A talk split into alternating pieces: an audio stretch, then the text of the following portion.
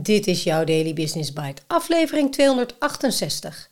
Om 5 uur opstaan. Hoe goed is dat echt? Door Julia Cornelissen op mtsprout.nl. De 5 am club, ja, die bestaat echt. Vroeg hoor, vind ik het 5 uur. Krantenwijktijd of werken in de kassen zoals ik dat als tiener deed. Wat doet het met je en wat leveren die extra uren je op? Julia zet het voor ons op een rijtje en benieuwd of jij je na jouw lidmaatschap gaat aanvragen. Je luistert naar Daily Business Bites met Marja Den Braber, waarin ze voor jou de beste artikelen over persoonlijke ontwikkeling en ondernemen selecteert en voorleest. Elke dag in minder dan 10 minuten. De goede raad over om 5 uur opstaan kan motiverend werken. Wie wordt er niet blij van extra uren in de dag? Maar het kan ook aanvoelen als een verwensing. Als iedereen goed gedijt bij om 5 uur opstaan, kan slapen tot 7 of 8 uur ineens aanvoelen als extreme luiheid. Is 5 uur opstaan ook iets voor jou? Neem Benjamin P. Hardy. De actieve schrijver van motivatieverhalen op medium.com staat iedere ochtend om 5 uur op. Je maakt of breekt je leven tussen 5 uur en 7 uur ochtends, aldus Hardy. Hoe je de ochtend doorbrengt bepaalt je succes in het leven. Zo is de toon gezet voor een artikel waarin Hardy uit de doeken doet hoeveel hij leest, nadenkt en schrijft op de vroege morgen. No pressure. Hardy is niet de enige die dol is op vroeg opstaan. Er zijn nog talloze artikelen geschreven door mensen met positieve ervaringen in de ochtend op zak. Van How Waking Up Early Has Changed My Life tot The Secret of Becoming an Annoyingly Productive Early Morning Person. Er is zelfs een heuse 5 am club, een initiatief van zelfhulpauteur Robin Sharma. Succesvolle mensen als Michelle Obama, Tim Cook en Richard Branson komen in de stukken voorbij als heel vroege vogels. Wat zijn de voordelen van om 5 uur opstaan? 1. Meer tijd. Het meest voor de hand liggende voordeel is natuurlijk het aantal uren dat je wint door rond 5 uur op te staan. Nog voordat de meeste mensen hun wekker de eerste keer laten snoezen, kun je al gedoucht, gesport en al je mails beantwoord hebben. Daarnaast kunnen de extra uren in de ochtend je het idee geven, in ieder geval gevoelsmatig, dat je gedurende de dag minder achter de feiten aanloopt. Te laat opstaan kan de hele dag zorgen voor een gehaast gevoel. Meerdere ervaringsdeskundigen schrijven dat ze zich het meest energiek en creatief voelen in de vroege ochtend. Ze geven de voorkeur aan nadenken, lezen en schrijven om tot nieuwe inzichten te komen. Bovendien slaapt het gros van de mensen nog. Hierdoor kan afleiding morgens minimaal zijn. 2. Minder afleiding.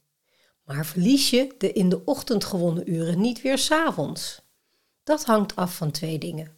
Hoeveel slaap je nodig hebt en of je een ochtend- of avondmens bent, zegt slaapexpert en oprichter van Sleep, Els van der Helm.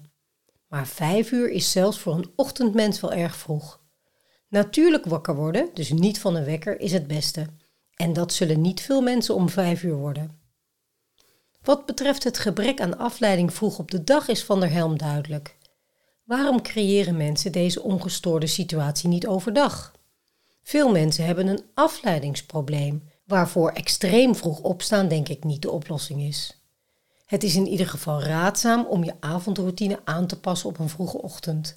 De meeste voorstanders van extreem vroeg opstaan zijn ook voorstanders van een rustig avondprogramma.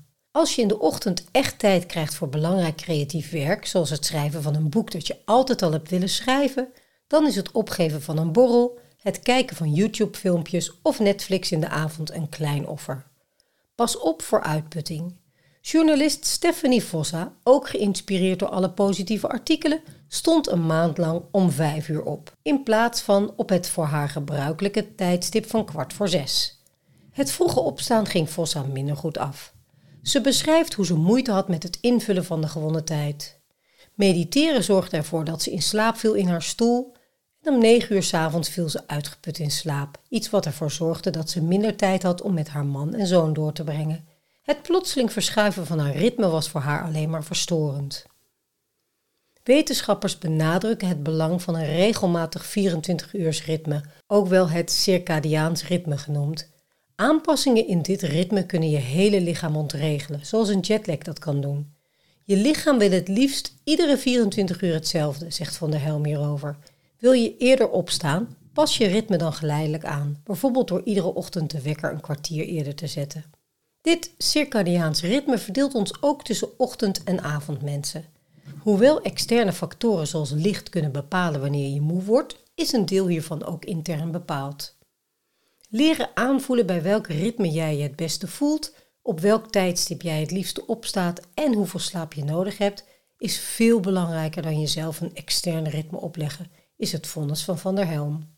En wil je nu proberen je ritme naar voren te verschuiven, maar lukt het niet om daadwerkelijk op te staan als de wekker zo vroeg afgaat, dan is er altijd nog het advies van deze lezer in een reactie onder een artikel: Neem een kind, probleem opgelost. Drie tips om vijf uur opstaan te laten slagen. 1. Verhoog het aantal slaapuren. De kans is groot dat jouw lichaam het niet in één keer een grandioos idee vindt dat je om vijf uur opstaat. Gun je lichaam daarom meer slaaptijd, zodat het eerder kan wennen aan deze verandering in jouw ritme. Slaap je normaal gesproken dus ongeveer 6 uur, probeer het dan te verhogen naar 8. 2. Focus op eerder gaan slapen. Een logisch gevolg van de eerste tip is dus eerder gaan slapen. En verschuif ook je focus daarnaar. Eerder slapen is namelijk een stuk minder intimiderend dan zo vroeg opstaan. En als het je lukt om er vroeg in te liggen en de volle 8 uur te slapen, kost het je veel minder moeite om rond 5 uur wakker te worden. En misschien ben je dan zelfs wel uitgerust. 3. Maak je ochtend vooral leuk. Als je de 5 am club mag geloven, kun je niet anders dan deze kostbare tijd gebruiken voor de meest belangrijke productieve dingen. Dingen die echt bijdragen aan jouw welzijn.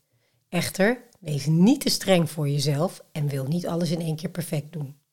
Vroeg opstaan op zich is al een hele uitdaging. Jezelf dan allerlei dingen opleggen die je dan moet doen, kan juist averechts werken en je demotiveren.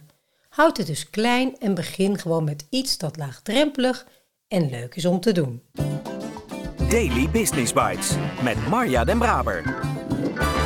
Je luisterde naar Om 5 uur opstaan. Hoe goed is dat echt? Door Julia Cornelissen. Googelen op de 5 am Club geeft hele leuke artikelen.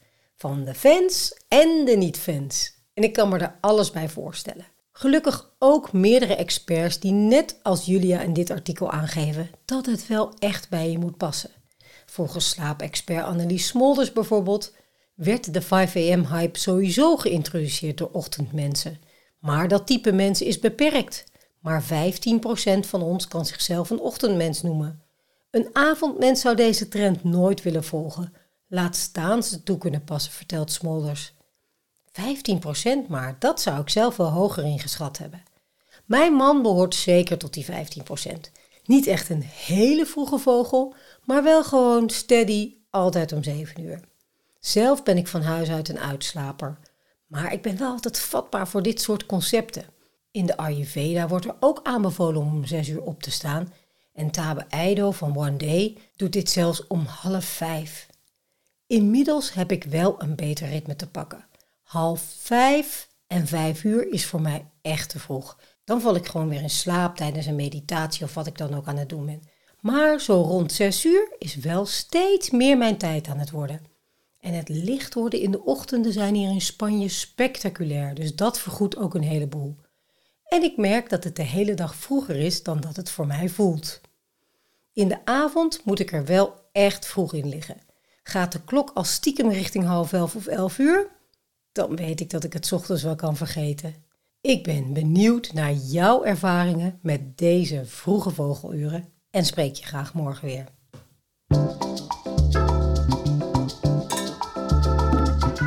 Dit was Daily Business Bites. Wil je vaker voorgelezen worden? Abonneer je dan op de podcast in je favoriete podcast-app. Meer weten? Klik op de links in de show notes.